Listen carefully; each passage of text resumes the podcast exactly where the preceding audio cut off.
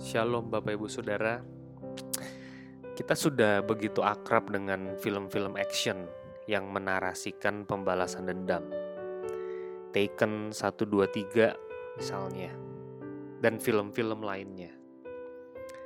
Namun demikian di dalam setiap narasi balas dendam Kita seharusnya menyadari betapa berbahayanya dosa itu. Kita rasanya udah nggak begitu aware lagi dengan berbahayanya dosa yang mengakibatkan pembalasan dendam. Begitu juga dalam cerita kejadian 34. Pemerkosaan Dina berbuntut panjang. Kakak-kakak Dina menuntut pertanggungjawaban, yakni pembalasan dendam kepada penduduk Sikem yang sebenarnya tidak bersalah atas dosa putra mahkota. Dosa itu merusak baik orang yang menyimpan dendam maupun orang-orang lain yang tidak bersalah. Kebencian memampukan seseorang untuk membunuh siapa saja demi pembalasan dendam. Uniknya, kakak-kakak Dina memohon supaya seluruh penduduk Sikem disunat. Hal ini lucu, sebab ini bukan permohonan yang mulia, ini adalah sebuah kamuflase untuk dapat membunuh penduduk pria Sikem. Sikem sendiri menyanggupi untuk seluruh rakyat disunat demi keegoisannya mendapatkan Dina dan membenarkan pemerkosaannya. Ini cerita yang tidak masuk akal dan begitu buruk.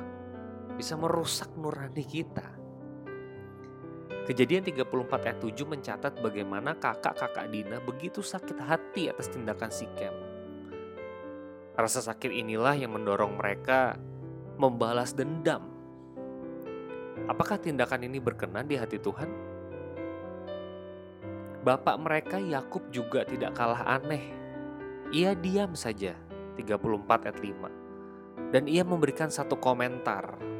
Kejadian 34 ayat 30. Yakub berkata kepada Simeon dan Lewi, "Kamu telah mencelakakan aku dengan membusukkan namaku kepada penduduk negeri ini." Kepada orang Kanaan dan orang Feris. Padahal kita hanya sedikit jumlahnya.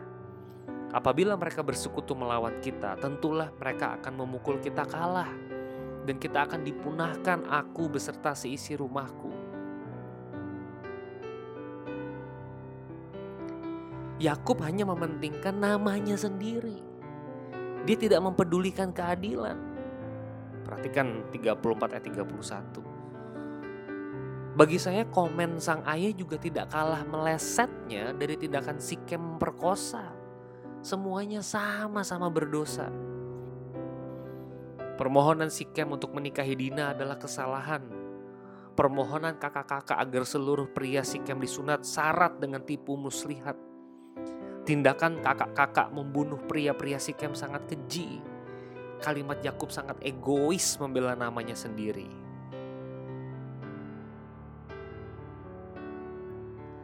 Saudara-saudara, saya jadi memikirkan tokoh-tokoh Kristen yang ternama yang kerap berbuat dosa. Jimmy Swaggart, Raffi Zacharias, Ziang Vanier, pendiri, pendirinya LRK, dan daftar nama ini bisa terus bertambah. Saudara-saudara, kita adalah manusia berdosa.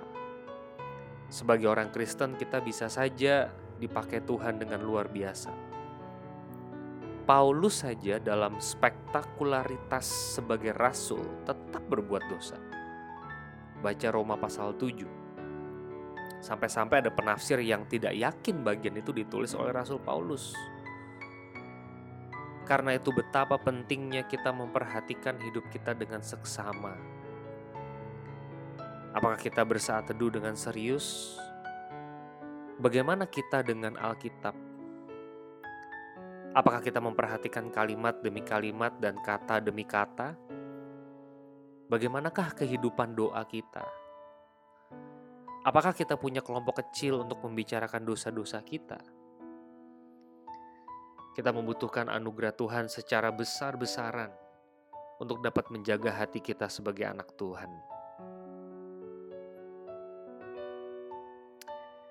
Bapa biarlah belas kasihanmu terus-menerus turun pada kami.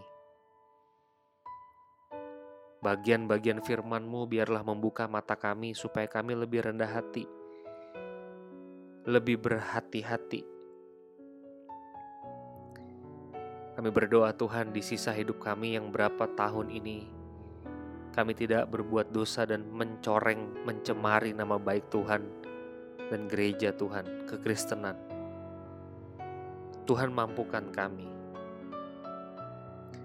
dengan segenap hati kami berdoa di dalam nama Tuhan Yesus. Amin.